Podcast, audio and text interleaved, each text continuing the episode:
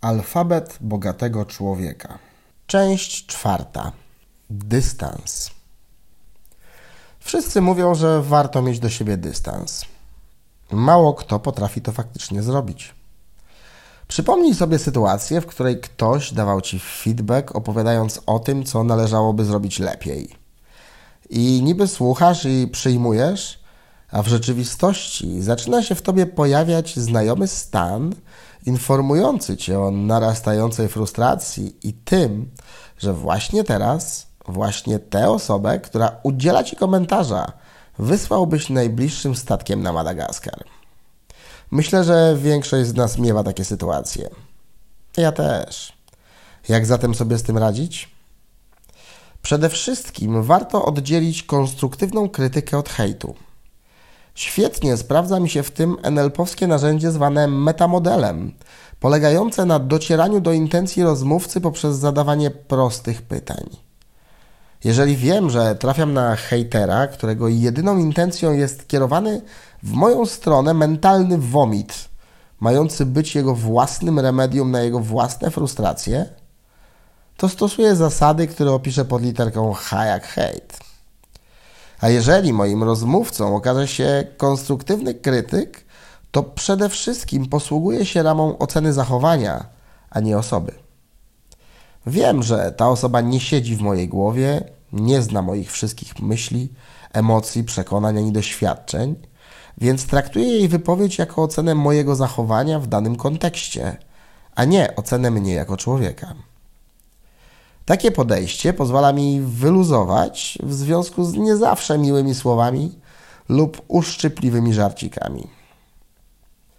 Jeśli rozmówca dobitnie pokazuje mi, że on myśli inaczej i próbuje ocenić mnie, to czasami pokazuję mu błąd założenia, wysyłając ripostę w jego stronę i pokazując, że jak opowiem o jego zachowaniu, to dotrę do niego inaczej niż jak będę mówił o nim.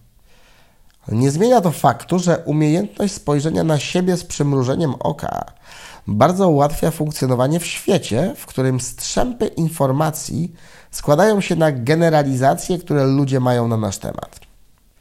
Inną sprawą jest umiejętność śmiania się z samych siebie.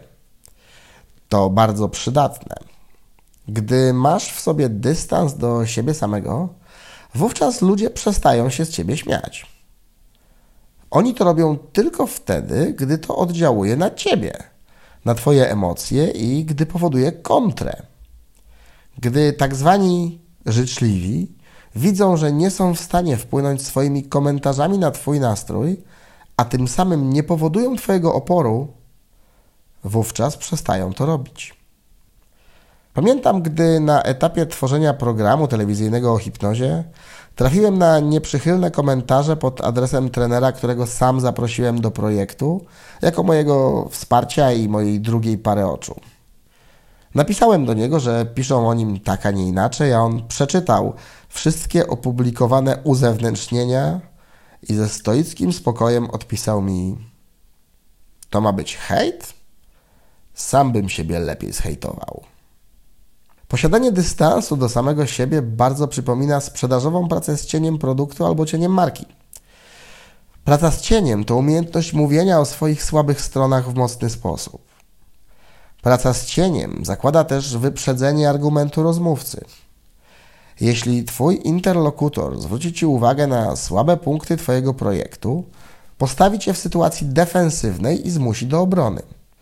Za to, jeśli Ty z własnej woli wyjmiesz własne słabości na światło dzienne i opowiesz o nich w mocny sposób, nikt nie użyje Twojej słabości jako argumentu przeciw Tobie. Wykorzystałem ten element choćby podczas mojego wystąpienia na Życiu bez ograniczeń, opowiadając o tym, że moje zasięgi w mediach społecznościowych jeszcze są słabsze niż w przypadku innych znanych trenerów, dlatego się tego uczę. Za to doskonale nauczyłem się docierać do ludzi przez telewizję, radio, prasę i spotkania na żywo, w czym mogę być nauczycielem dla innych.